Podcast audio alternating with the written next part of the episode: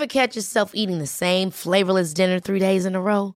Dreaming of something better? Well, HelloFresh is your guilt-free dream come true, baby. It's me, Gigi Palmer.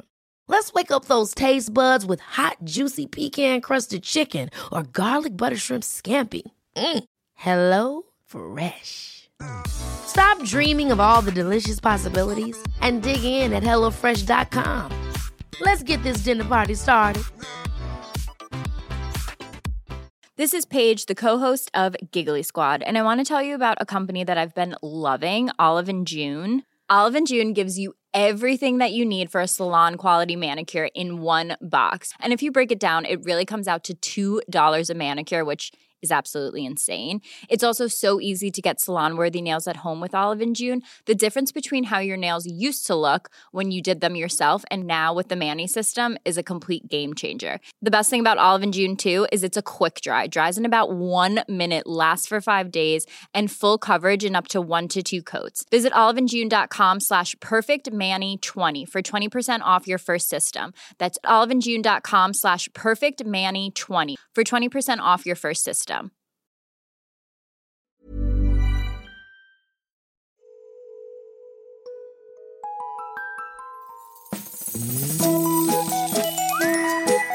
Hello kids och välkomna tillbaka till podcasten Mina vännerboken.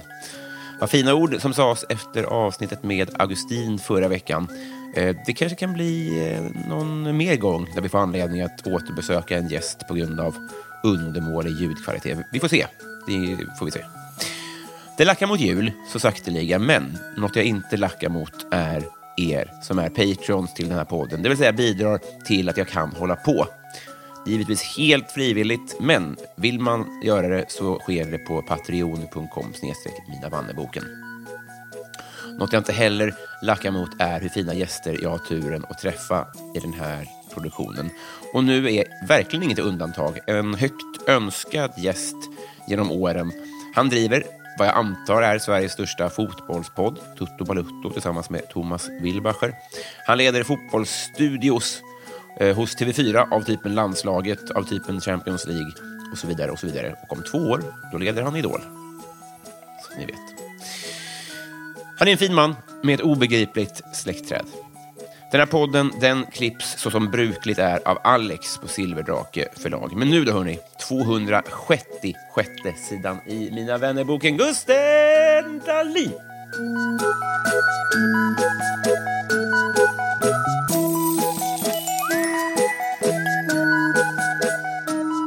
Då säger jag hej, så kör vi. Tjena. Så får det bli. Ja. Vidunderligt välkommen hit. Vidunderligt tack. Hur mår du? Jag mår bra. Jag mår bra. Eh, mitt i eh, ett landslagsuppehåll. Då brukar jag vara väldigt eh, relaxed. I och med att eh, jag då går utan sändningar. Eh, men just det här landslagsuppehållet har ju precis som det förra eh, innehållit ett nyfött barn. Ja. Min dotter är nu sex veckor gammal och det är full fart. Eh, men det är jävligt kul och nytt. Och eh, oerhört privilegierat att som jag kunna vara så mycket med mitt nyfödda barn eh, som jag har kunnat vara. Eh, det är inte alla förunnat att som eh, pappa få vara liksom så mycket närvarande och mer eller mindre ha varenda dag. Eh, lika mycket som min tjej med, med henne. Så att. Väldigt eh, roligt. Vad att man, man, ja, väldigt lyxigt. Eh, sen är det väl klart att det finns ju såklart inslag av lite eh, tilltufsad sömn. Eh, och eh, att man pendlar mellan att liksom så här sköljas över av den här känslan att så här, dagarna bara försvinner. Och, Men så får man intala sig själv att vad händer egentligen i mitten av november i Sverige?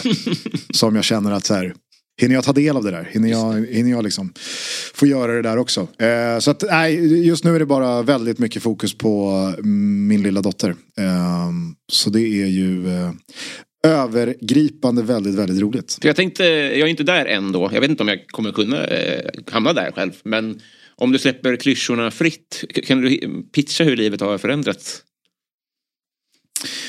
Framförallt eh, det som jag precis var inne på så har ju livet förändrats i att dagarna bara försvinner. Mm.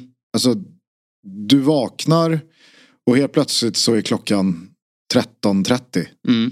och man har inte fått någonting gjort. Nej. Förutom då att det har bytts blöjor åtta gånger. Hon har ammats, hon har badats, hon har eh, försökt eh, sövas. Alltså det, det, är bara, det bara rullar på. Och så måste man hinna tvätta och så måste jag springa och handla och så måste jag laga lunch och så... Ja men det är bara... Det är liksom... Det är det enda det handlar om. Men man tänker väl inte...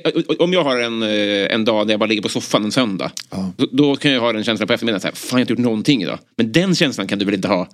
Nej, nej absolut Utan det är inte. en annan typ av... Men då blir det mer det här, är det så här det ska vara? Och så får man lite, lite panik av att så här, jag vill ju göra massa annat också. Mm. Men där har man ju fått intala sig själv och man har fått en hel del liksom coaching från kompisar som kanske är ett år in eller tre år in. Att Mm. så här, det där lägger sig.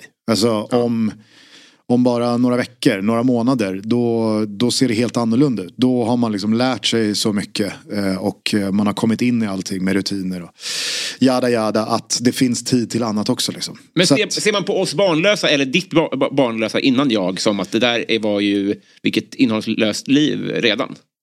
inte innehållslöst men eh, man har eh, verkligen fått ett nytt perspektiv på det barnlösa livet. Mm. Att så här, fan vad bra man hade det i form av sömn, styra sin tid, eh, ha möjligheter att kunna göra det och kunna göra det och ikväll vill vi gå ut och käka. Alltså det, det som var världens mest naturliga sak Ja. för bara en och en halv månad sedan. Att kunna liksom, ska vi käka middag på en restaurang? Eller eh, ska jag gå och trä- Jag har inte tränat. Alltså jag tränade minst fyra dagar i veckan. Fram tills för sex, dag- sex veckor och två dagar sedan. Sen dess har inte jag, alltså jag har inte varit nära att lyckas få till ett träningspass. Så det är väl bara, alltså det är mest sådana grejer Ja. som man inte förstår när man inte har barn. Att så här, det här kommer jag bli av med. Eller det här kommer jag längta tillbaks till. Eller det här kommer jag sätta på en piedestal. Att så här, åh, tänk att bara kunna liksom, nej om jag ska gå och träna kanske. ja, det, det är ju helt... Det är, ju- eh, knappt att det, om det är värt det. Ja, så det är väl de bitarna. Och så framför allt så har jag fått en helt ny respekt för mina kompisar som har haft barn. Senaste liksom tre, fyra, fem, sex åren. Och så har jag tänkt hur många gånger jag har liksom så här. Jaha, då ställde de in igen. Eller han in igen, eller hon in igen. Eller Nej, han, eh, kun, han checkade ut i ett halvår eller ett år eller vad det nu var. Och eh, han kunde minsann inte spela golf den här dagen heller. Alltså hur mycket man har ondgjort sig över folk som har haft små barn. Och det har bara liksom totalt lagt om kursen för deras sociala liv. Och att jag då har liksom, jag vet ju att jag har tänkt. Så där ska minsann inte jag hålla på. och, nu har jag sån jävla respekt för att det, det är bara så det blir. Alltså, det är, det, det är en eh, helt upp och nervänd prioordning. Mm. Men, eh, men eh, å andra sidan gissar jag också att du gråter av kärlek oftare de senaste sex veckorna än vad jag gör de senaste sex veckorna. Det är, som, alltså, det är ju, uppseendet är ju monumental. Ja. måste vi väl ändå säga antar jag. Jag gråter aldrig av vare sig sorg eller lycka. Eh, men jag grät när, eh, när hon kom. Det tog några timmar. Men liksom några timmar in där på BB efter att hon hade fötts. Då, då grät jag. Och alltså, det, det är väl inget konstigt i sig. Nej. Men om man som jag gråter extremt sällan. Jag minns inte senast jag grät. Varför då? Jag, jag, jag bara gråter inte. Eh, så då vet jag ju att så här, om jag gråter så vet jag ju för mig själv att det är en big deal. det, är- det är en big deal. Och som du säger så är ju de, de mäktiga känslorna av livets mening, perspektiv, man har liksom skapat ett liv. Hon är också otroligt lik mig själv. Fint. alltså, Rebecka min tjej, hon har inte fått någonting. Jag är Rebecca, säker på att det är hennes. Ja, det är jag. Men vi, senast, i, eh, senast i förrgår så Rebecka har en hud precis där hennes öga liksom möter näsroten. Då har hon en liten, liten kvadratmillimeter hud som gör att det blir som ett tight streck runt den liksom det ögonhörnet eller vad man ska säga. Och det har eh, Cornell också. Då eller? Ja, men då försökte jag säga det till Rebecka. Men kolla, kolla här, hon, hon har precis den där lilla liksom hudsträngen runt hela ögat. Ja. Och Rebecka var, hon var, inte, liksom, hon var inte överdrivet peppad på att så här, ja men då så. Ja, exakt. 99-1. Jag får verkligen liksom, leta med ljus och lykta för att hitta någon likhet mellan henne och, eh, och Cornell. Men eh, det, det är verkligen stora känslor och mäktiga känslor och eh, alla de här jobbiga stunderna och de här stunderna av tvivel att så här, oj shit, vad fan har ju, vart, vart tog dagen vägen? Vad, vad, är det så här det ska vara? Och så blir man lite nojig över det. Det vägs ju upp och mer därtill av alla stunder när man bara så här, förlorar sig i att titta på sitt barn och känna att så här, det här är min dotter som jag ska vara pappa till resten av livet. Mm. Det är häftigt. Vi ska förlora oss i en bild en snabbis bara. Jag vet inte om jag har visat den för dig förut. Oj, Mm. oj, oj, oj. Ringer det någon klocka? Nej. Jag kan ju... Vi är kusiner. Nej. Det är en bild på dig och mig. Eh, Ja, det, det, tröjor. alltså, Mm. det, herregud, det ser jag ju. Eh, Du är otroligt skäggig. Mm. Du har tagit ett väldigt bra beslut Mm. i att kapa det där skägget och bara hålla dig till mustaschen. Mm. Alltså, wow. Det är ett av de bästa liksom, ansiktsbehåringsbeslut jag, jag skådat Ja. faktiskt. Jag noterar också att du har den snyggaste landslagströja. Sverige uppringat under min livstid. Jag kan också på min egen look, men kanske framförallt på min egen tröja placera detta till eh, 2016 eller strax därefter. Det kanske är något år senare. Men det är i alla fall EM 2016-tröjan jag har på mig. Mm. Jag tryckte Swady på ryggen. Tyckte det var lite läckert. Men är det ditt nummer? 19 ja. Ja. 19, 19 var mitt nummer och sen så Det är lökigt att skriva sitt eget efternamn på en landslagströja. Eller en matchtröja. Punkt som man trycker upp. Det har jag alltid tyckt. Eh, och jag är för gammal för att ha liksom min favoritspelare så till den milda grad att jag trycker upp hans namn. Jag såg Kiese Thelin på... Exakt. Lewicki hade varit en möjlighet Mm. Ja. EM 16 och det, det är så långt bort. Men, men, men det är också så fult att ha en tom rygg. Mm. Bara en siffra, det ser ut som att det är U21. Ja, exakt. Eller liksom inte ens en siffra. Då är, det ännu, då är det ännu värre. det har jag, ska jag säga. Men det kan man nog inte trycka 94 Ja, men det är rimligt. siffran. Någon hade ju såklart kunnat göra det. Men, Just det. Det är Eh. inte 16, det är i Kielce tror jag. I Polen. ja men då är det 17 då. Mm, alltså, det, är- det är år, året efter. Eh, U21-EM eh, två år senare. Blev inte riktigt samma succé. Alltså det var... Det Men var du med på den resa vi gjorde dit? Eller sprang Nej. vi bara in i Vi varandra? sprang in i Ja. varandra. Mm. För eh, alltså, det kan ju låta avmätt och drygt av mig att inte veta om huruvida du var med på den här resan som jag och Thomas och Toto Balutto i samarbete med, jag tror att det var Betsson, Mm. eh, gjorde. Men till mitt försvar så var det otroligt eh, hårt de dagarna. Så att jag hade inte, jag hade liksom inte skämts om du hade sagt ja, jag var med Nej, nej, alla nej. dagar. Vi pratade i sex timmar på bussen ner. För att bussen ner, det är, det är... Jag har inte upplevt många större och värre sjöslag alltså. Nej, Alltså, vi, vi flög, men jag, jag tror vi, vi pratade om att åka med men liksom i samma, samma våg. Och, eh, vi åkte med i samma liksom, våg av, av vi kan göra det igen och vad kul att få vara ja. med på det där och sånt där. Men där gick till med någon form av gräns för, jag, jag tror jag kan dö. Ja. Jag tror inte jag klarar så många öl och killar på en Jag vet inte. Jag, Nej, vi åkte alltså buss från eh, Malmö ja. till Kielce. Har du någon ögonblicksbild av ett, ett, ett Ja. Mm. Busschauffören nitar. Mitt ute i ingenstans, någonstans i Polen. Längs motorvägen. Stannar bara i vägrenen och börjar gå bak i bilen, eh, eller bussen och säger till Thomas att du ska ut. Alltså, du, du ska ut. Ja men Thomas var totalt oregelig. Ja. Och det här var liksom Thomas stökiga år. Ja. Nu har han lugnat ner sig eh, markant. Men de här åren var... Ja jävlar alltså. Det var... ja, att, att han fick åka vidare, det var... Och, och, alltså så här, när busschauffören börjar klampa bak Ja. så känner jag liksom i hela kroppen, det här är det rimligaste någon någonsin gjort. Bragdguld till den här chauffören också. Men eh, Thomas lät honom veta att det är min fucking buss. Du ska bara gasa och bromsa. Och vrida lite på ratten. Det är vad du ska göra.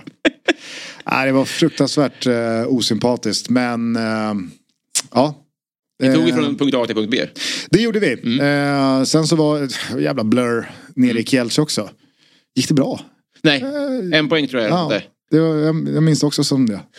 en, en, en enda lång liksom, sittning på torg. Nej, jag tror, eh, satt, eh, ja, vi sprang in i Karl Strandberg sen på Donken, nedsjunken. Jag, jag fick gå och hämta hans mat för han var, han var, han var för låg för att gå och hämta sin egen beställning. Men det, var, det in, slutade inte bra sportsligt. jag. Ja, vi hade, du kan ju tänka dig bussresan hem. Vilk, vilken avtändning alltså. Förra veckans kräks. alltså. Ja, nej, det var hemskt. Bra buss hem också. Det var det. Otroligt. Ja. Men eh, vi sprang in i varandra. Ja, Kul! ja det, var, det var som hastigast. När kickade du boll senast? Eh, det är jättelänge sedan. Jag är fotbollsinvalid. Mm. Det är Jag- roligt ord tycker jag. Ja, det är tryck i det. Mm. Det är liksom, Det är som järn, nej, eh, som så här mordbrand. Att Ja. det, väldigt, det låter väldigt mycket värre än vad det är. ja verkligen. Det rubriceras Mm. alltid som mordbrand. Och så tänker man, oj.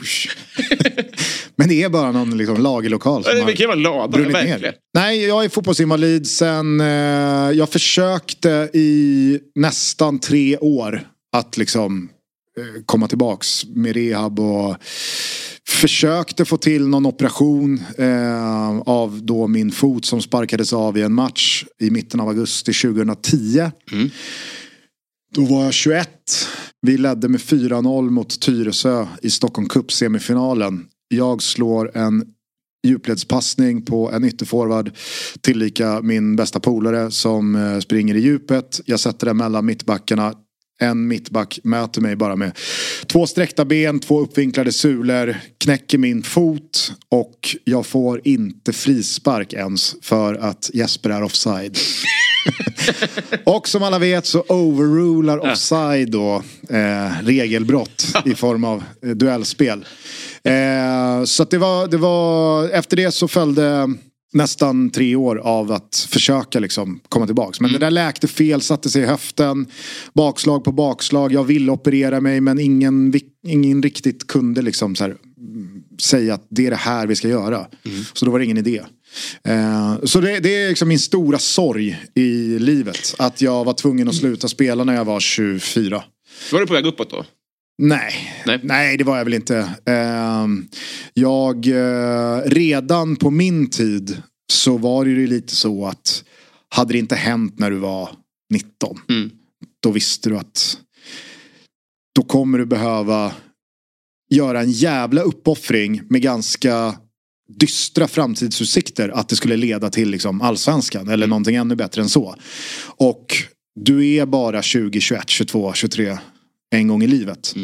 Eh, så jag ångrar inte alls att jag liksom insåg att antingen så fattar jag att jag kommer inte nå landslaget eller Champions League eller Roma eller ens superettan. Men bara... det är väl inte sorgen som du beskriver antar jag? Nej, utan sorgen är att jag inte kunde fortsätta spela fotboll. Mm. För eh, det är det roligaste jag vet. Mm. Eh, och jag var ganska duktig och jag är helt övertygad om att hade jag bara kunnat, hade jag bara haft fysiken så hade jag mer än gärna spelat division 2 fotboll. Ja. Eh, fortfarande.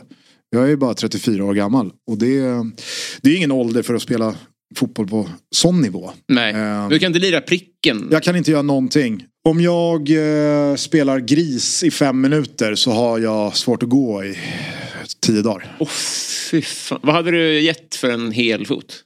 Väldigt mycket. Mm. Väldigt, väldigt mycket. Eh, 280 000? Minst. Mm. Nu liksom? nu hade det väl varit ganska dåligt investerade pengar. Svårt att motivera hemma kanske? Ja, verkligen. Men eh, nej, fan där och då så det var, det var jättefrustrerande att det slutade som det gjorde så pass tidigt. Men eh, att det inte blev liksom, mer rent fotbollsmässigt. Det har jag inte haft något problem att liksom, komma över. Nej. Det, hade jag varit bättre så hade jag varit bättre. Eh, sen kan alla ha lite oflyt med skador och sådär. Men det är väldigt många duktiga fotbollsspelare som når väldigt långt som också haft skador. Ja. Alltså, alla har inte haft turen att klara sig undan skador. Utan det är ju det är en talang i sig och en styrka i sig att kunna liksom fokusera på rehab och ha pannbenet att eh, inte eh, hålla på och fuska och inte lockas av att eh, ja, men, äh, jag åker på den här skidresan eller jag drar till Grekland med grabbarna eller vad det nu kan vara. Vad mer kan du, kan du åka skidor? Jag kan göra det mesta. Eh, Vad är det det fotbollen som är så svårt? pendling av, alltså det är höften. Ah, Och det är just det där att när benet pendlas Mm. i någon form av skottrörelse. Då, det går inte. Så att jag har jätte, jag, alltså, på ett sätt är jag väldigt glad. Jag kan spela golf, jag kan spela paddel, jag kan spela, jag kan göra det mesta. Mm. Eh, men just att eh, pendla min, min, mitt högerben och eh, drämma till en fotboll. Mm. Då är det som att jag får en kniv i höften. Men dök det upp andra typer? Jag, jag, jag, jag, det kan ju vara en feltolkning, men att du har, du, har, du har slagit mig som en person som har... När du skapar en tydlig plan så eh, är den ganska skarp och du kommer att hålla dig till den. Och så kommer det bli så fyra år senare. För det var tanken. Ja, men just när det kommer till eh, fotboll upplever jag att det är väldigt många som har väldigt tydliga planer. Men det slutar ändå inte som det är tänkt. Just Nej. för att det, det är koefficienter och delar av det där som inte går att styra över. Du, du ska ha lite flyt. Du ska göra rätt matcher vid rätt tillfällen. Du ska få en tränare som eh, ger dig förtroende. Du ska av någon liksom slump eh, eller någon annan eh, utomstående faktor hamna i ett läge där ja, men, av olika anledningar blir si och det blir så och så blir det jättebra och sen så bara för det ska man ju ha jävligt klart för sig att de elva spelarna som startar i Sveriges landslag är ju nödvändigtvis inte Sveriges elva bästa fotbollsspelare. Nej, men det Det finns ju- det när finns ju liksom- Ja. om, du, om det då dök upp en annan lika skarp plan. Alltså har... Nej, då, då, då, då, liksom, eh, då vändes allt upp och ner till att jag vill kunna spela fotboll igen. Ja. Och kan jag göra det, vilket jag sen kunde. Det var ju den tydliga planen. Mm. Ja. Att jag ska inte sluta spela fotboll här nu. Nej. Så jag är jätteglad över att jag orkade liksom, kriga mig tillbaka till att jag ändå gjorde sen åtta, nio seniorsäsonger. Mm. Ehm, så jag, jag fick liksom med mig jättemycket av mitt fotbollsspelande. Även fast det inte slutade med någon, nå allsvenskan eller landskamper och sådär. Ehm, men ehm, som sagt, det är, det är inte så lätt att man bara kan bestämma sig i fotboll. Att nu ska jag minsann träna jättemycket och vara superfokuserad och så kommer det gå av sig självt. Så funkar det ju inte. Det finns inga jag har lika delar så mycket respekt som Mm. eh, eller eh, respekt för eh, och eh, liksom förakt för som de som är mer än 23 år och spelar division 1 fotboll. Det är så här, jag högaktar dem för att de orkar. För det här är inte liksom två kvällar i veckan med polarna. Nej. Och så kan man dyka upp lite bakis till matchen. Om det nu är en rolig kväll kvällen innan. Nej. Utan det här är liksom, det är full time. Ja. Och du får ingenting för det. Det sitter 200 pers på läktaren. Ingen bryr sig. Och det är så långa avstånd. Och du vet ju någonstans att så här, ja, jag spelar division 1, jag är 20 24 år gammal. Jag kommer inte... Kanske, kanske, kanske spelar jag superettan någon gång. Men eh, nej, så att eh, jag, jag vill också bara ruska om dem. Ja. Säga, grabbar. Ni, har bara, ni är bara unga en gång. Ja. Ni har bara liksom ett liv.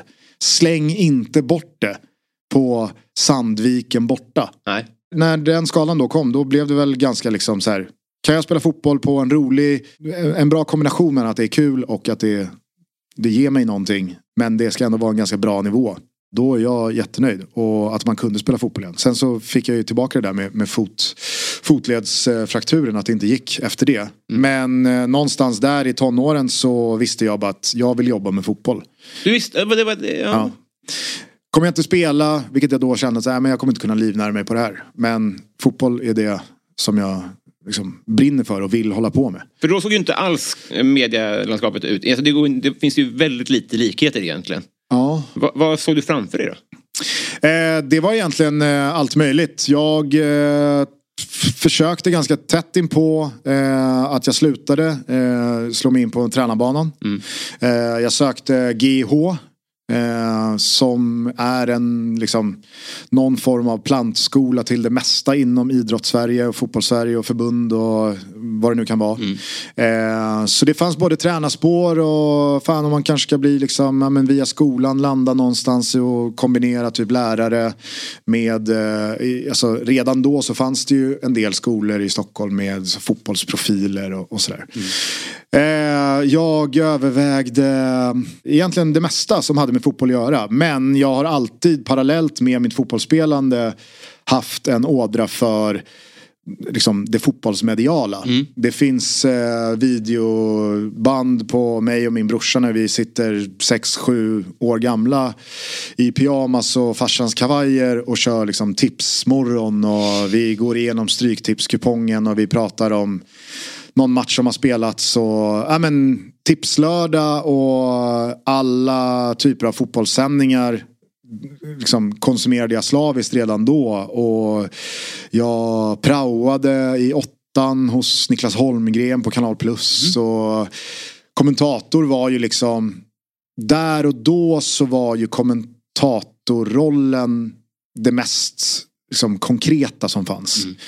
Som du säger, då såg ju inte landskapet ut som det gör idag Nej. på samma sätt. Det fanns inte så många mer roller än kommentator, programledare. Mm. Typ. Mm. Det där låg med mig hela tiden och sen så... Lärde du skriva också då? Nej men jag har väl alltid varit ganska, alltså det har alltid premierats väldigt mycket hemifrån att sköta skolan och mm. vara duktig i skolan. Eh, och jag tyckte det var kul, framförallt så tyckte jag det var jävligt kul med svenska. Skriva prata, redovisa. Ja, men de, de bitarna har alltid liksom fallit sig naturliga. Jag har gjort mycket, liksom så här, men gjort mycket radio mm. hemma. Eh, man gjorde tidningar. Skrev olika saker. Ja, men jag har alltid haft liksom den eh, ådran att så här, jag vill nå ut. Jag vill skriva, tycka, prata. Eh, och jag vill liksom visa upp det. Mm. Eh, så det har alltid funnits med mig. Men sen så var det väl strax efter studenten, jag började, började som lastare på Bromma flygplats. Och det var ju kanon till en början. Många jämnåriga killar och jävligt liksom så här enkelt, roligt jobb. Gick att kombinera med att resa och festa och jobbade lite skift och sådär. Men då började man ju förstå liksom att Svenne som var 47. Mm. Han hade jobbat som lastare sedan han var 18. Och där och då började jag väl känna att så här, mm, jag ska nog passa mig för att bli kvar här för länge. Mm. Helt plötsligt så vaknar man en dag och så är man 35. Mm. Eh, så då kände jag att nej men jag, jag, jag utbildar mig. Och då fanns det egentligen inget annat än det mediala. Mm. Så då sökte jag mig till eh, Södertörn. Det är väl 13-14 år sedan. Och eh, ja, men, tog det därifrån. Mm. Sen så gick det jävligt snabbt. Eh, för jag hamnade ju eh, relativt kort in på min studiebana eh, hos eh, Dobb och Svenska fans. Ja. Eh, och David Fjell och Micke Fahlstedt. Mm. Eh, och sen så har det bara rullat på. Mm. Vi har ett eh, konkret syfte med den här sittningen och det är att vi ska bli kompisar. Mm, just det. Mm. Hur, jag, jag har ju, det kanske har framgått då, jag har ju konsumerat dig väldigt mycket och träffat dig ett, ett par gånger nu. I Polen? Exakt. ett eh, ensidigt minne. -huh. Men eh, det slår mig, jag tycker att du har varit tydlig med att du har väldigt bra och många kompisar. Kan det stämma? Har jag varit tydlig med det? Ja, men jag tycker att det, det finns få som jag, det känns som att du har ett tajt gäng och kompisar som ba, alltså en dagis mm. typ. Och så, alltså, det är verkligen inte alla som har det liksom. Nej, Nej men eh, jag har ett eh, kompisgäng. Vi är barndomskompisar. Jag är född 89. De äldsta är 85 eh, och vi är 13 killar som Ja, men, eh, mer eller mindre, du vet ju hur det är. Alltså, vissa perioder så går det ner lite och sen så går det upp. Men vi har alltid liksom några traditionsenliga, ständigt årligen återkommande saker som gör att vi, vi ses och vi håller kontakten eh, kontinuerligt varje dag i, i våran grupp på WhatsApp. Och liksom alla eh, Sen är inte alla liksom lika bra kompisar med alla i, inom gänget. Men det är verkligen liksom Det är eh, mina kompisar. Eh, jag eh, spelar väldigt, väldigt mycket golf. Eh, så att jag har också ett golf... Gjorde. Nej, Nej, men jag menar med barn då. jag har ändå gott hopp. Ja. Gott hopp om att jag ska kunna upprätthålla, kanske inte lika frekvent golfspelande som senaste åren. Men det har jag ändå varit tydlig med. För jag tror att, alltså så här, man måste ju fortfarande liksom leva. Mm. Man måste fortfarande få göra saker som stimulerar en och Mm. man mår bra av. Eh, och är det någonting jag kommer kommande år prioritera. Mm. Den liksom fritid jag har. Så kommer det vara golf. För att jag älskar att spela golf. Eh, så att jag har också parallellt med mina liksom, barndomskompisar, mitt kompisgäng. Så har jag ett väldigt, väldigt tajt golfgäng. Och vi är 12 killar där också. Otroligt. Ja. Ja, ja men, och, och vi, vi, vi ses ju oftare liksom. Eh, I och med att alla spelar så mycket golf liksom. Än min, mitt barndomsgäng. Men de kompenserar med att vi har känt varandra i, sen vi var liksom 12-13 år. Just det. Eh, så vi vet vart vi har varandra och sådär. Eh, så att jag är väldigt eh, eh, liksom, socialt lyckligt lottad som får ha två så fina gäng. Och det gläder mig enormt också. Eller gläder mig enormt. Jag vet inte riktigt varför jag la sån jävla värdering i det. Men eh, jag tycker att det är skönt. Och jag Ever catch yourself eating the same flavorless dinner three days in a row? Dreaming of something better? Well, HelloFresh is your guilt-free dream come true, baby. It's me, Kiki Palmer. Let's wake up those taste buds with hot, juicy pecan-crusted chicken or garlic butter shrimp scampi. Mm. Hello Fresh. Stop dreaming of all the delicious possibilities and dig in at HelloFresh.com. Let's get this dinner party started. Life is full of what ifs. Some awesome, like what if AI could fold your laundry? And some, well, less awesome, like what if you have unexpected medical costs? United Healthcare can help get you covered with Health Protector Guard fixed indemnity insurance plans. They supplement your primary plan to help you manage out of pocket costs. No deductibles, no enrollment periods, and especially no more what ifs. Visit uh1.com to find the Health Protector Guard plan for you. Jag hade inte velat ha det på något annat sätt. Och jag har aldrig sökt mig ditåt heller. Att umgås speciellt mycket med folk i den här branschen. Jag tycker att det är väldigt befriande och bekvämt att så här, utanför jobbet. Då umgås jag med mina kompisar. Ja. Mina riktiga, inom citationstecken, vänner. Ja, men det respekterar jag verkligen. Men har du utrymme för en till, hypotetiskt? Eller är, för du, är du nöjd där? Nej, men det, alltså, jag tror att eh, när det kommer till eh, relationer. Då, då tror jag att man ska passa sig för att eh, låsa sig. Eh, både in och ut. Relationer, mm, de, eh, de behöver eh, bådas. De kan inte bara liksom ligga där.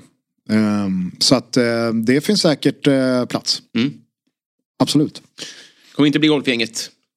Men... Och inte barndomsgänget. Eh, Någon plats kanske jag hittar. Vi får se. Vi får se. Men jag gillar dig. Det Ömsesidigt. måste jag säga. Ja. Jag eh, tycker att eh, det har varit en av eh, fotbollsmedias eh, liksom bästa satsningar, Fotbollsmorgon. Och då har jag, jag har från mitt håll imponerats av eh, ja, men, eh, de olika liksom, eh, kryddorna som hittat ner i skåpet.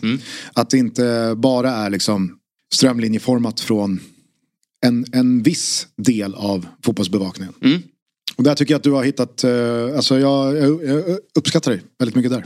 Tack snälla. Mm. Eh, jag kan inte ta komplimanger. Men nu ska vi ta och dra igång den här... Eh, Jag är också oerhört dålig på att ta komplimanger. ja, vad skönt. Ja. Har vi vår första gemensamma vänskapsnämnare. Det är tredje gäng. Kanske det vi hänger upp vår vänskap på. Vi ger varandra komplimanger och är dåliga på att ta emot dem. Det är värdelös kväll. Nej, nej, nej, nej. Ja, pass på, här kommer en jingel!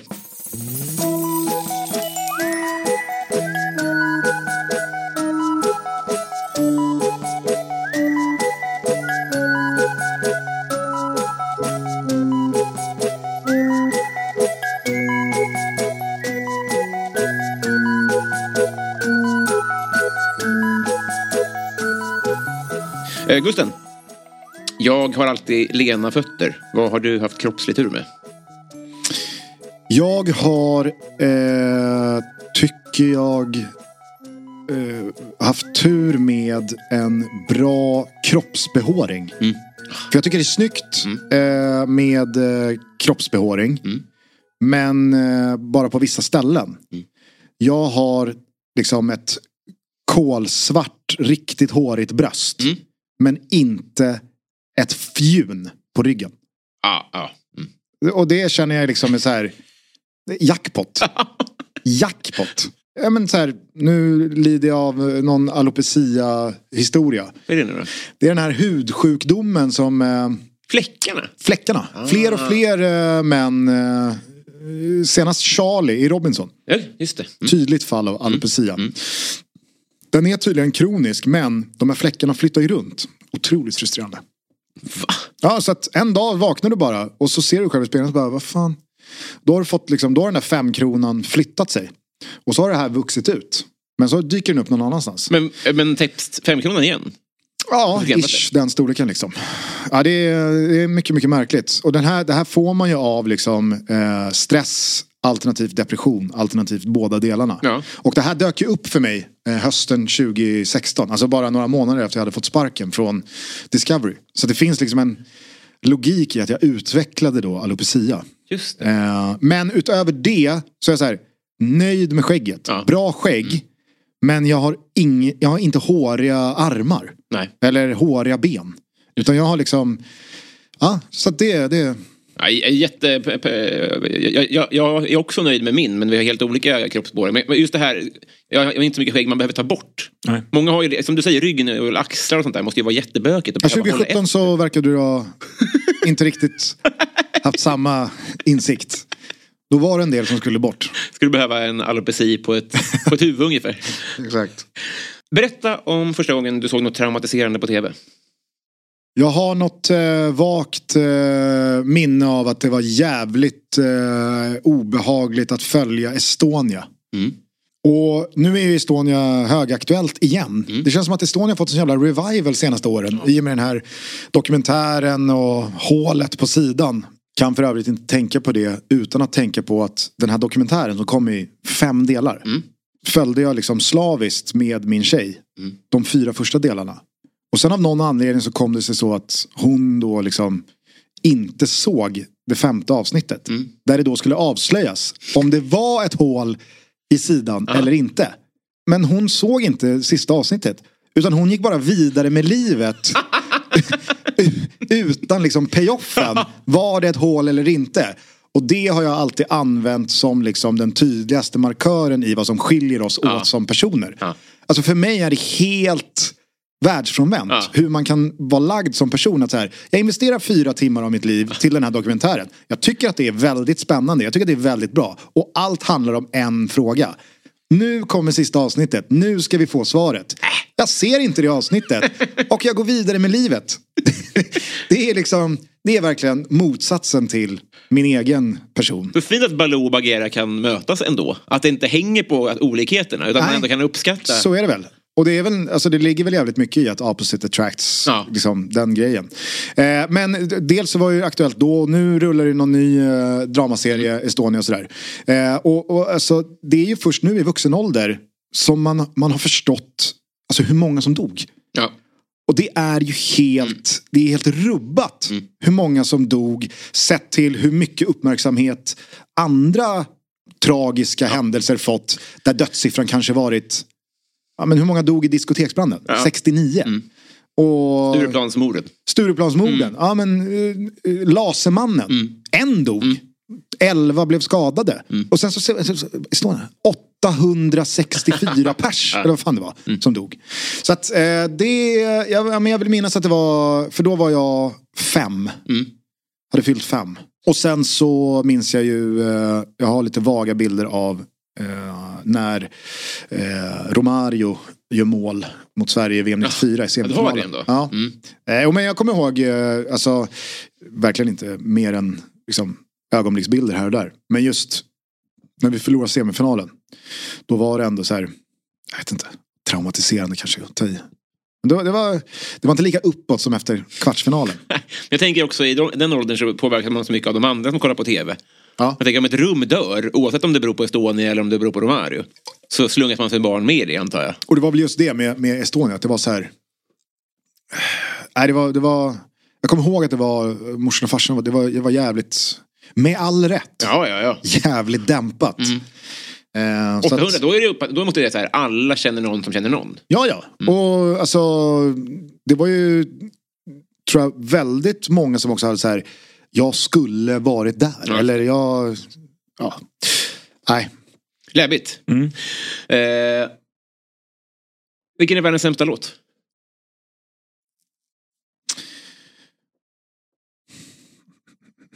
man kan ju välja så många olika spår här liksom. Mm. Man ska ta någon som framförs av någon eller några bara för att man liksom inte gillar dem. Mm. Men om man ska vara ärlig så är det så här, ja. En hit är en hit. Svårt att förneka liksom, låtar som kommer till topplistan. Ja. Jag lyssnar väldigt mycket på hiphop. Mm. Och präglades väldigt mycket av liksom 90-tals hiphopen. Och tycker att eh, hiphop blivit sämre och sämre för varje år som gått. Mm. Liksom. Och nu är det, det, är helt, det är helt fruktansvärt. Alltså det är helt fruktansvärt ibland. Jag säger någon eh, Drake-låt då. Ja. God's plan. Jag måste vara den enda i världen som lablar det som världens sämsta låt. Miljard streams på Spotify. Men Älskad av miljoner. Men den får liksom representera vart hiphopen hamnat. Mm. Så det, det får bli liksom något slags slagträ. Jag tror inte någon här har svarat någon låt som har 600 streams. Alltså, det är så svårt att hitta. Ja, nej så är det ju. Absolut. Ja, men det, det, jag, jag är helt... Men eh, vad, vad tycker du om svensk hiphop nu? Samma sak samma? där. Alltså, jag älskar svensk hiphop. Mm. Men det som rullar ut från orten nu. Mm. Med liksom, eh, ja men det totalt melodibefriade, trap-liknande, bara liksom. Eh, allt är någon form av liksom, man sätter ord på gängkriminaliteten. Mm. Det är oerhört dyster. Och det är, här, det är med noll politisk eh, liksom inblandning. Ja. Utan bara så här, rent musikaliskt så är det skit. Mm. Tycker jag. Alltså jag tycker att det är, det är, det är sån tragisk spillra av det liksom organismen Ja. gör. Mm. Nu är organismen fortfarande högaktuell Ja, och jag älskar honom. Men eh, det, det är olika, olika delar av den svenska hiphopen. Ja, jag, jag, jag, jag håller med. Eh, kändaste släkting? Vet du vad jag fick höra? Mm. För eh, bara någon vecka sedan. Att mitt barn, min dotter, kommer att bli avlägsen släkting med Julia Frändfors. Okej. Hon föder väl när som helst. Ja. Eh, har jag förstått. Mm. Eh, ett barn som då har en pappa. Som på ett avlägset sätt är släkt med mig på min mammas sida. Ja. Så att jag är liksom inte släkt med Julia Frändfors. Men skulle vi rita upp släktträdet så är vi liksom släktmässigt connectade. Och våra barn är extremt då avlägsna släktingar. Men vadå? Hur kan ditt barn vara mer släkt än du? Det går ju inte. Jo, för mitt barn kommer ju då ha blod Ja. med pappans blod. Du har ju liksom, äh, har du en, äh, din mamma eller pappa har ett syskon. Eller äh, ja, den personen, om den gifter sig med någon. Så är ju inte ni liksom blod. Bara för att de gifter sig. Nej, nej. Men ditt barns blod. Mm. alltså, det kommer från dig då. Och Mitt din- barns blod kommer ju i rakt uppåtstigande led Mm. kunna sammanstråla med Julia Frändfors barns blod. Mm. Eftersom det barnets blod har blod från farsan som är från mitt släktträd. Så om de... Men det, det stan, Julias liksom, förfäder Mm. är ju inte liksom en del av det släktträdet. Nej. Nej, men det vet jag. Det, Det vet känns jag. som att du fortfarande inte förstår. Nej, men jag fattar inte. Hur, ditt barn är väl inte mer släkt med Julia Fränfors barn än vad du är släkt med Julia Fränfors barn? Det måste vi väl ändå enas om? Men jag och Julia Frändfors, vi delar ju ingenting. Vi, alltså, Jag vi delar inte blod, vi delar inte liksom, eh, förfäder, vi delar, vi, vi delar ingenting. Det känner jag till. Men Julia Frändfors kommande barn Ja. och mitt barn Ja. delar... De delar däremot... Nu släpper vi Julia Fränfors så pratar vi bara om hennes barn. Vi kan... Ja, vi, vi säger barnet bara. Ja. Det är barnets pappa. Ja, men sk- skit i det. Nej. Bara, bara, jag vet, jag vet. Det är jag vet pappan som är intressant. Det är jag vet det, men barnet är väl fortfarande lika mycket släkt med dig som med ditt barn? Ja, men... Ja, bara så jag vet. Okej, så att svaret på min fråga är Julia Frändfors kommande barn. Jag fattar inte varför ditt barn skulle komma in. Är det för att du vill att de ska leka? Nej. Nej. Jag sa att jag fick höra att mitt barn Ja. kommer... Men det var inte via din fru ju. Tjej. Nej, Nej, det här går... men alltså... Men, men, men den avgörande skillnaden, distinktionen är ju att mitt barn delar ju blod med Julia Frändfors barn. Ja. Jag och Julia Frändfors delar ju inte blod. Nu vet jag att jag har rätt. Jag vet, jag vet det. Jag vet det. Jag menar bara att du... Helvete vad rörigt. När var du med i tv första gången? Jag var med i tv första gången eh, när BP träningsspelade mot Degerfors på Stadshagen. Ja. Kan ha varit 93 eller något. ja. Jag var fyra år och väldigt engagerad i då hur det gick i den här träningsmatchen. Och av någon outgrundlig anledning så hade liksom eh, SVT Sporten ett eh, men, Team. team på plats. Fråga mig inte varför. Nej. Men eh, jag flimrade förbi i då Sportnytt inslaget Ja. senare samma kväll. Och det var typ en reporterröst som sa någonting i stil med trots eh, minusgraderna och eh, den svala inramningen så fanns det de som brydde sig. Och så stod jag och hoppade och var helt vild för att BP hade gjort mål eh, mot Degerfors. Vilken, va, vilket, vilket, vilken fin tv-start. Och det kommer ju användas eh, i din runa sen. Nej. Tror du inte det? Går det inte? Absolut inte.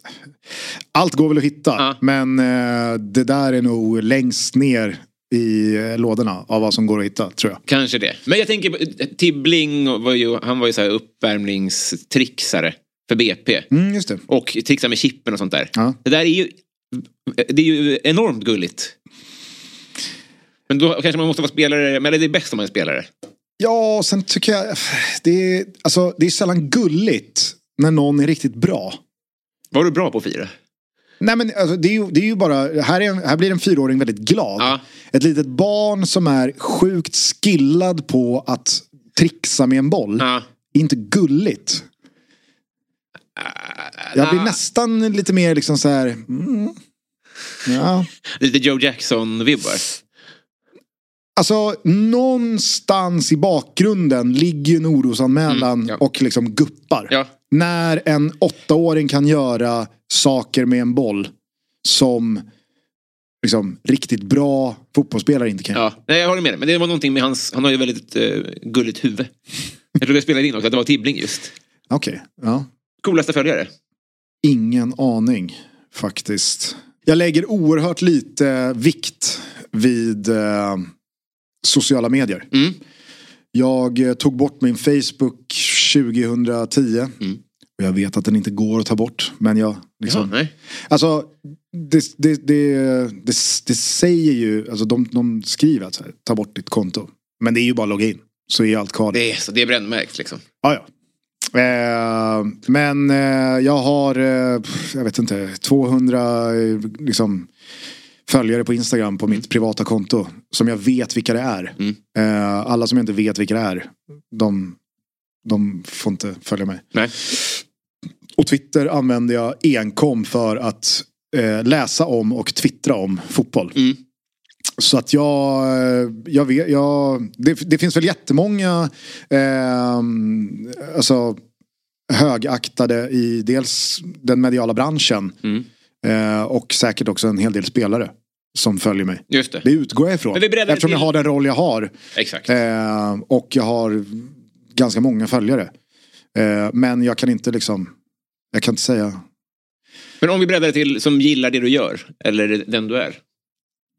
Vad du vet. Nej, men så, äh, pff, jag vet. Har du koll Eh, på vart, om Zlatans tumme pekar upp eller ner? Nej, det vet jag faktiskt inte. Nej. Det sägs ju att han har liksom stenkoll. Mm. Jag har svårt att tro det. Mm. Alltså du måste lägga ner sån jävla... Stenkoll, ja. Ja, men det, sä- det, Ja. det, ryktet har ju alltid varit att liksom... Du kan inte ta heder och ära av Zlatan Nej, i liksom en podd. nej. Eller en eh, webb-tv-sändning. Utan att det når honom. Och sen så har han liksom det Mm. uppskrivet någonstans. Men jag känner att det kan inte stämma alltså. Du måste, det, det krävs en jävla resursapparat. Men det krävs väl en anställd?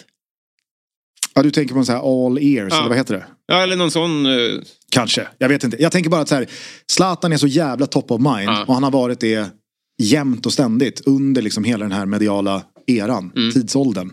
Och det ploppar upp en ny fotbollspodd nu. varannan dag. Ja. Det är liksom, det är konstant. I synnerhet också via sociala medier och allt vad det innebär. Så att, nej, jag, jag vet inte. Men eh, vi har ju alltid varit liksom eh, fotbollsmässigt jävligt pro Zlatan. Mm. Och det har jag alltså, alltid varit. Sen så har jag haft det ena och det andra att säga om liksom, vad han håller på med utanför. I synnerhet med liksom, sociala medier och eh, utspelen gentemot landslagen när han inte var med och sådär. Eh, han har ju haft några andra mediala liksom, klavertramp där jag bara liksom, känner att nej, tyst bara. Tänk, tänk om det var Albin Ekdal som var Zlatan. Ja. Alltså, han hade ju aldrig tagit de där besluten. Nej, nej, absolut inte. Sen så har ju liksom alla Zlatans har ju också lyft Albin. Han har ju blivit upphöjd till en stor tänkare. Ja, ja, men för gud, att liksom alla andra är på sån bedrövligt låg nivå.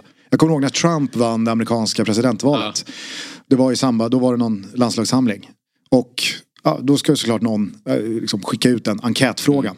Och Albin säger, ah, men jag, jag, eh, jag hade väl hoppats på eh, en president som snarare vill bygga broar än att bygga murar. Mm. Bra här välfunnet. Mm. Men det var ju liksom så här. Åh herregud, han är, det är, det är, liksom, det, det är vår Martin Luther King. Jag omformulerar mig. Om guldhuvudet eh, Tibbling hade varit Zlatan, då hade det inte heller hänt. Det Nej. behöver ju inte vara någon som är upphöjd. Nej, nej, nej så är det. Eh, men eh, jag, jag vet inte. Olof Lund följer väl mig. Mm. Bra, håller med. Bra svar. Eh, vad skäms du för att du konsumerar? Nej, men egentligen ingenting tror jag.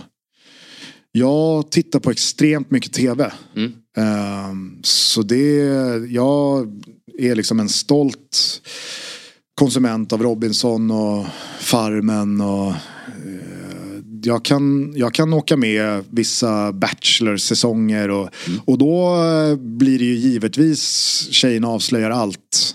Ja, ja. Liksom featuren. Mm. Ehm, Han får tid. Nej, men jag, jag, har, eh, jag har väldigt mycket tid. Framförallt så är jag väldigt liksom rastlös.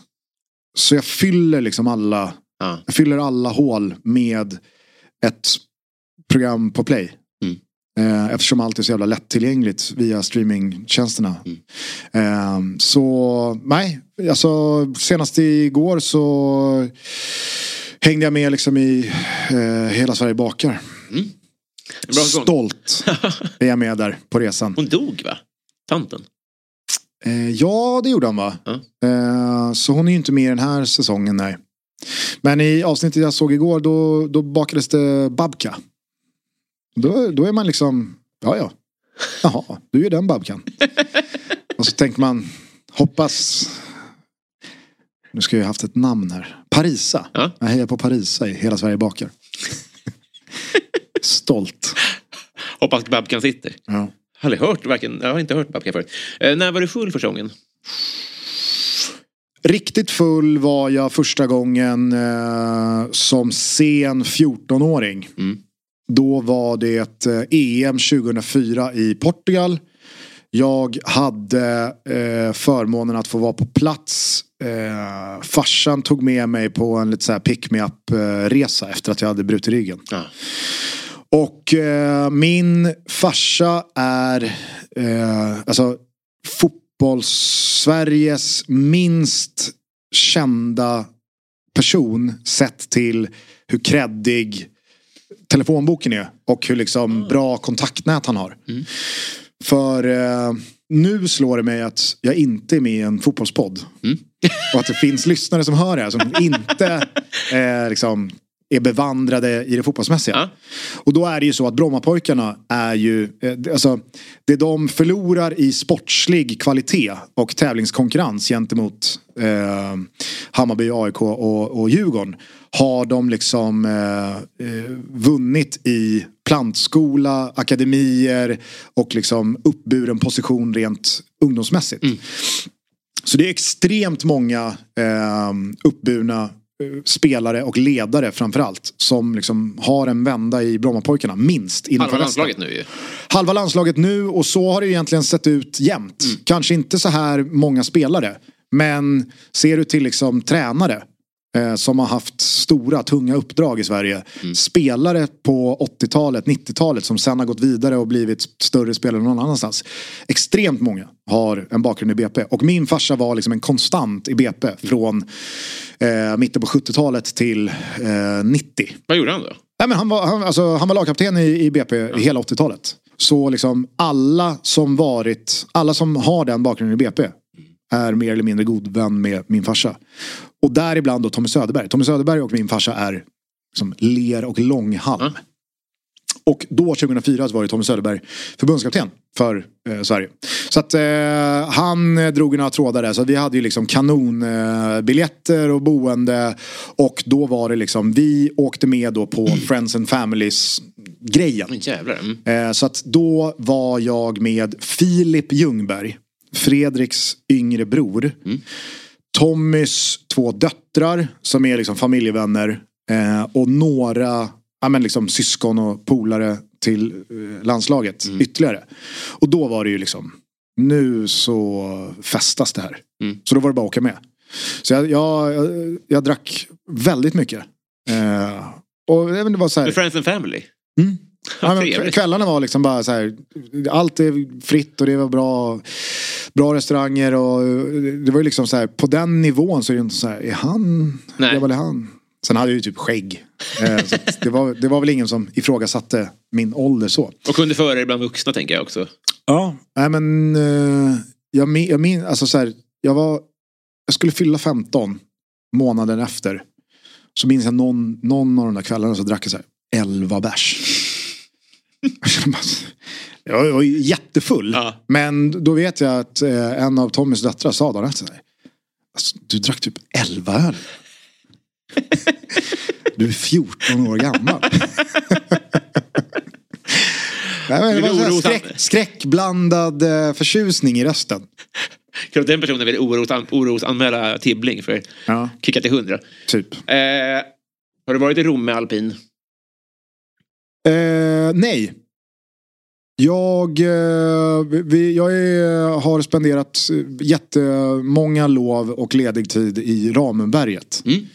Så till den milda grad att liksom, när det började bli dags för att åka på sådana här skolklassresor. Då, då tog jag alltid alternativet som var eh, hemmaplan. Ja. Va? Ja, inte hemma hemma.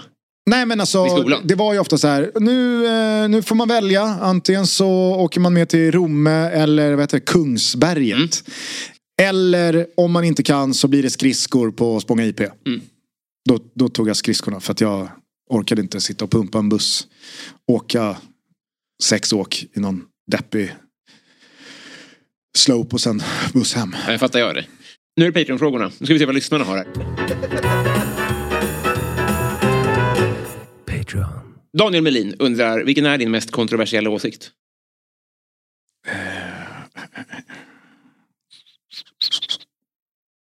Jag känner lite lätt på att liksom legalisera eh, narkotikan. Mm. För att, för, alltså i, enbart, jag knarkar inte överhuvudtaget. Har aldrig lockat mig. Men eh, någonting måste ju hända. Någonting måste liksom radikalt förändras. När det skjuts liksom ihjäl personer fan i mig var och varannan dag. Så att eh, jag vet inte, det, det, det är nog säkert fler som i den här liksom hopplösheten känner att ja vad fan, någonting nytt Ja. får vi testa. Men jag misstänker att det fortfarande är ganska en, en kontroversiell åsikt att tycka att så här, ja vi kanske bara ska låta liksom, sälja kokain på liksom, under, eh, något så här systembolag fast för liksom partyknark. Ja. Jag vet inte. Snarare än att skicka in militären i förorten. Typ. Eller fortsätta låta dem knäppa ihjäl varandra på daglig basis. Ja, just det. Det är lite lilla vägskälet där. Eh, Martin Ruben, du får nämna ryggfrakturen då, men vilken är din närmaste nära döden Äh, jag, jag, jag vet fan alltså. Jag fick sladd eh, någon gång eh, med, med bilen. Eh, och kände att så här, nu, den här är helt utom kontroll. Det var glashalt. Nu kanske inte det hade slutat med döden. Men eh, det, var, det, var, det var nära ögat. Eh, så kan jag säga. Men alltså, vilket otroligt tråkigt svar. Nja, Du har levererat på andra. Ja. Nej men eh, det var väl ganska nära en stroke här för några minuter sedan. När jag skulle försöka reda ut huruvida jag och Julia Frändfors inte är släkt. För att inte tala om den halva lussebullen. På att kväva dig. Verkligen. Det här är, uff, peppar peppar. Tack för idag. Tack själv min nya vän. kompisar. Nu jävlar är vi kompisar. Nu ska vi ge varandra komplimanger och göra släktträd. Hela vintern. Vill du göra reklam för något? Eller tipsa om något? Nej, var eh, snälla mot varandra. Det är eh, mitt tips. Det, det kan man inte vara för mycket. Konsensus. Här kommer en bra hiphop-låt. God's plan. For them to miss me. Yes, I see the things that they wishing on me. Hope I got some brothers that outlive me. They gon' tell the story, shit was different with me. God's plan, God's plan. I hold back, sometimes I won't. Yeah. I feel good, sometimes I don't. Hey, no. I finesse down Western Road. Hey, next. Might go down to G-O-D. Yeah, wait. I go hard on Southside G. Yeah, wait. I make sure that Northside E. And still.